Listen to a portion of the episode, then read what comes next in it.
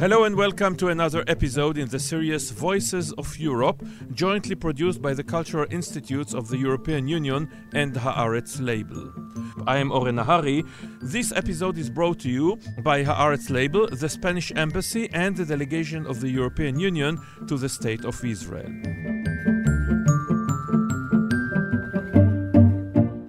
Can be argued without exaggeration that Europe was born from the Mediterranean. Europe and the European ideas have many sources, of course, but the two most important ones come from countries to the coast the Christian Jewish tradition, the first monotheistic religions, which are not just religions, they are moral teachings, philosophical ways of life that were born in Israel.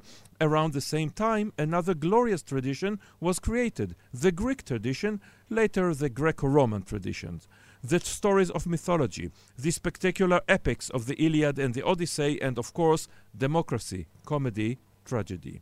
These were born in Greece, continued to Rome, the mighty European empire that continues to influence Europe and the world to this day. The Mediterranean, our sea in the mouths of the Romans, was the heart of the empire, and even in the days when humans settled en masse around the Baltic Sea, in the British Isles, in Scandinavia, nations invaded and settled in places that are today France, Germany, and Spain, yet the sea surrounding Europe defining the continent. After all, explorers went out to sea and discovered the Spice Islands, the Portuguese, the Spaniards, the English went out to sea. And when they conquered the seas, they conquered the islands and continents, far to India and America, to the North and South Poles, to all the oceans. And even if the Mediterranean Sea was back to a small local sea, the seas and ocean, beyond all, seemed endless, mighty, abundantly infinite, as far as the eye can see to the horizon and beyond. That's what we thought until recently.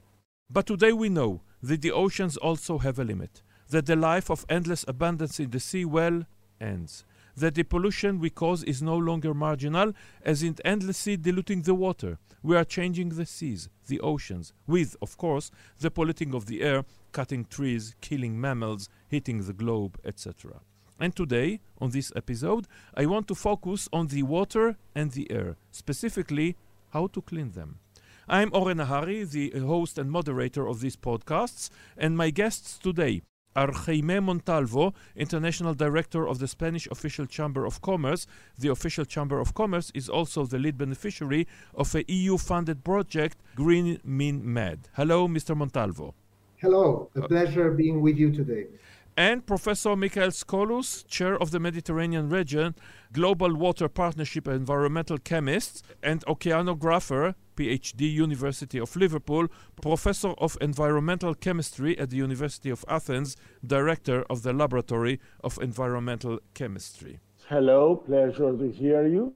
And I want to start with you, Mr. Montalvo. Have we reached the point of no return in trying to clean the air, in trying to clean the water? Of course not. I must say that Spain welcomes all the European Union measures included in the European Green Pact as well as the initiatives for the financial period 21-27 to strengthening a European sustainable green economy. I think we are going to, to discuss about green economy today. Of course, clean air, clean water is all about that. The European strategies included in this uh, European Green Deal and climate diplomacy place energy efficiency, uh, renewable energies, water at the center of uh, European economy. And um, that is the same for Spain. Central strategy document guiding Spain's energy and climate policies is our national strategy for climate change 2130. It encompasses a number of policy actions that will support the country's climate targets. Very ambitious climate targets, both in the energy, water, and everything regarding sustainability. Do you think that Spain is different than other countries in this regard? Because every country, especially those living next to, to the Mediterranean and oceans, etc., sets its goals in this the Paris Accord. Why is Spain uh, different, if it is different? Well, Spain is a country that uh, heavily depended, especially in the past, from imported energy. But um, Spain is a country full of renewable resources water, wind, sun. The whole interest from the Spanish policymaker side is to enhance the use of our resources. Today, we will focus certainly in, in water and renewable energies. And um, it's a big uh, challenge for a country like Spain. It all has to do with the future, the sustainable future. We have to emphasize that this ecological transition has to be a fair transition, and uh, our country is uh, engaged in uh, a fair ecological transition strategy and in the fact that the measures, the policies that will be undertaken mm-hmm. will have to be efficient. Behind the headlines, and they are important, can you be more specific? Let's say, define the new technology, specific innovations, specific startups that support clean air and clean waters that were developed and adopted by Spain and other EU countries, for example? Obviously, Spanish companies are leaders in new green technologies such as offshore and wind platforms, marine energy plants, obtaining energy from the sea, from the sea waves, solar PV plants and solar thermal plants, as well as water recycling plants that we are exporting all over the world. I would like to mention, for instance, the use of artificial intelligence and big data processing that allow to determine the leakage of water in the network, mm-hmm. to anticipate plant water stress, or to early warning on water quality events in rivers, among others. Or innovative systems to obtain water from the air, or systems that can purify and reuse water from membrane filtration through biological additive and osmosis systems, or smart irrigation systems. Just to give a last example, the use of a mm-hmm. cultivation technology that can apply microalgae to recover and conserve and preserve the natural resources and biodiversity. Those are just some examples. Professor Scoullos, did we reach the point of no return in regard to the oceans in the Mediterranean? Is it dying and there's no return from it? Well, the Mediterranean is not dying. There are problems related to two major issues. One is the climate change. So we have series of organisms from the south from uh, the Red Sea and the Indian Ocean entering via the Suez Canal, and several of them finding to expand as populations within the Mediterranean, threatening other species. Mm-hmm. The other is that uh, we have overfishing mm-hmm. in several parts of the sea, and this is uh, some of the species we now, fish are smaller in size, and this is actually because of the overfishing. In addition to that, we have in hotspots, let's say, where we have uh, high, still high pollution, mm-hmm. although this is much lower than what it was before, still we have uh, problems of um, ecosystem suffering. So some of the Posidonia meadows, for example, in the vicinity of uh, outlets of uh,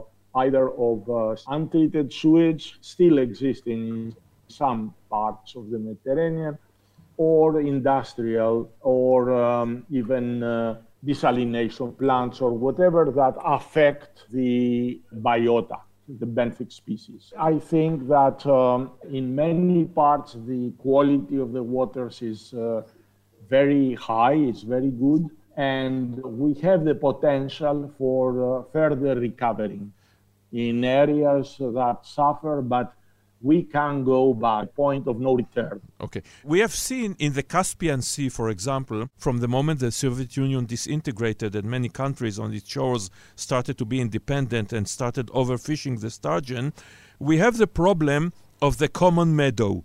Suppose the EU comes with an excellent legislation regarding air, but still, you know, you need too many countries, you need too many actors to behave excellently to solve the problem? Is it feasible? In the Mediterranean, we have a tradition of working together for the last 40 years under the Barcelona Convention of the United Nations Environment Programme, and uh, more recently also under the Union for the Mediterranean. This collaboration is uh, one that has actually continued even under conditions of tensions among uh, neighbors. The European Union legislation is affects only the northern part. So we need to use the UN system and also the Union for the Mediterranean, which is the Euro-Mediterranean cooperation. Still, this convention does not cover, let's say, the fisheries. There are other regional organizations for that that are not so well coordinated battering. We have done many important steps. A lot needs to be done, but there is no comparison with the Caspian Sea. Also, here, they don't have a system yet of quotas or whatever, but they started also working in the area of fisheries. The major problem with the common meadows, as you said, and the tragedy of the commons, and the fact that uh, in some cases the natural resources are not uh, shared in equity among the neighbors. This is an important problem throughout the world and to some extent also in the Mediterranean. So there are two issues. The one is the pollution issue, the other is the sharing of natural resources. Mm-hmm. For the pollution, we are somehow in a good way. For sharing the resources, I'm not talking about hydrocarbons. We have no clear, actually, and common We talk all the time about countries, states reaching agreements, the Barcelona Accord that, that, Professor Scoullos mentioned. But another very important actor is, of course, another two actors, is the academia and the economy. I mean, the industry. What collaboration is possible between academia, state, and industry in practice? And are there thinkings along those lines in the states of the EU and initiatives uh, promoted by Spain? For sure, public private uh, cooperation, which includes not only uh, companies and, and, civil society, but academia, with governments is, is essential, in general, for green transition. Currently, we see a drive for these public private cooperation in all national and European plans. Obviously, ecological transition cannot be achieved without sustained support and participation from academia and companies. Obviously, the technology is very important and the findings and uh, the advancements of the academia and, and, companies have to be put on the scene, especially because we are facing challenges like renewable energies and stability versus oil and gas energy supply, which is more stable, mm-hmm. the need of reaching zero emissions by 2050, and the fact that oil and gas will certainly have to decrease their but still are very crucial for new energy technologies and for clean water production. So the private sector and the academia have to work hard on innovation, on technology, and have to get from government not only a regulatory framework, but uh, financing mm-hmm. for those developments to actually take place. In the case of water, certainly we have a great challenge with the fact that 80% of wastewater flows go back to the ecosystem without being treated or reused. Probably rather than disruptive technologies, the professor will know more than that. Uh, the water sector should advance their adoption and do them at a much carry out them at a much faster rate. So it needs big involvement from governments, and we see that movement at all levels. In the case of Spain, the ecological transition strategy is based on public-private cooperation, and of course, in the fact of including innovations that only not on the technical part of technology, but also on digitalization, the use of artificial intelligence that will enhance productivity and efficiency in the system. It has been widely recognized that states alone, India and the private sector are very important. This direction, the European Union has increased the number of projects and processes to strengthen this. The WES program that uh, I have the honor to be the team leader, the water environment support, has many activities in the countries where public private initiatives are encouraged and supported. There are other projects that like SwitchMed and many other projects that help the countries to speed up this participation organizations. The Mediterranean Information Office for Environment, Culture and Sustainable Development, which brings together all the civil society organizations. We have the Global Water Partnership Mediterranean, which brings the private sector, the cities, the countries together on water projects in the Mediterranean, and several other organizations. We have the knowledge we have the expertise, we have the structures, we need to bring them all together and work together under conditions and clear guidelines, but we have the actors in place. And this is important. We have uh, networks of universities, Mediterranean universities. As a region, we are better off than other regions of the world. And don't forget that we are a north south interface taking this into account, have to capitalize on these investments of all these years. Every time we talk about environment, basically what we hear and see are the doomsayers, those who say that we are doomed, that we have reached the point of no return, especially, of course, in global warming that we didn't touch upon in this episode of Voices of Europe. But it sounds to me as if both of you are not pessimists that you are optimists that we can achieve the goal of clean water, of clean air, perhaps even bring back some of the life back to the Mediterranean, stop pollution, etc. As far as I'm concerned, I think you're, you're, you're very right. Being optimistic doesn't mean ignoring the challenges. And we certainly have many challenges. Of course. One big challenge will be to connect what is uh, sometimes a domain of large companies, which is innovation, to transfer that to the small and medium sized companies. That's a role of the chambers, and I think it's very important. Challenges are for everyone. We can only face those challenges if we do that collectively. And the European Union, through its programs, I'm talking about Next Generation EU and the recovery plans, that in the case of Spain, allocate 40% of mm. total financing mm-hmm. to a greener economy.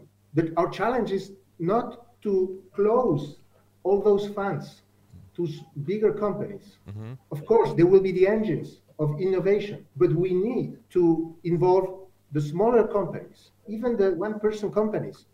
And uh, that's something we are doing between Spain, France, and Israel mm-hmm. in one of uh, the EU finance programs, which you mentioned before, Green in Med, I'm just talking about something that can be done. And the Green in Med, it's a project that aims to support SMEs at the Mediterranean level that operate in the tourism industry to be more competitive through innovative solutions for efficiency in water and energy management. Mm-hmm. It's a co-financed at 90% by European Union, mm-hmm. and we are colleagues and we are partners in the consortium with um, such uh, Israeli organizations mm-hmm. such as the Arava Institute, the mm-hmm. Kinneret College, and the Water Association in Israel. That's something we can do. Okay. We can do. And we have to foster that innovation mm-hmm. arrives to smaller companies. We need to be very conscious because that's not uh, just an economic issue. I think it's a social issue, and we have to preserve our resources. A European Union is in the right way, but we all have to push in the same direction.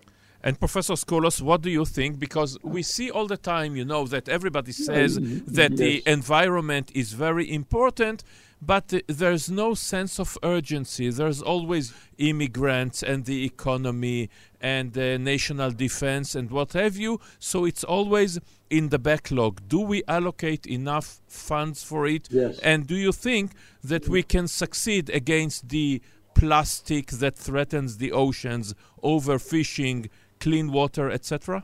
You said something before about optimism. Mm-hmm. All of us who act are optimists. This doesn't mean that our analyses are always optimistic. Sometimes the analyses are pessimistic.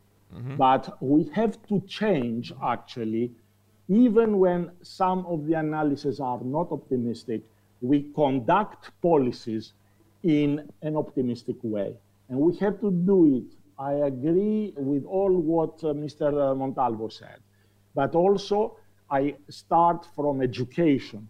Education, education, education, and awareness is number one in order to speed up because the urgency starts, politicians react according to the priorities of the wider public, the voters. Mm-hmm. The voters have to see how urgent it is to put our house in order.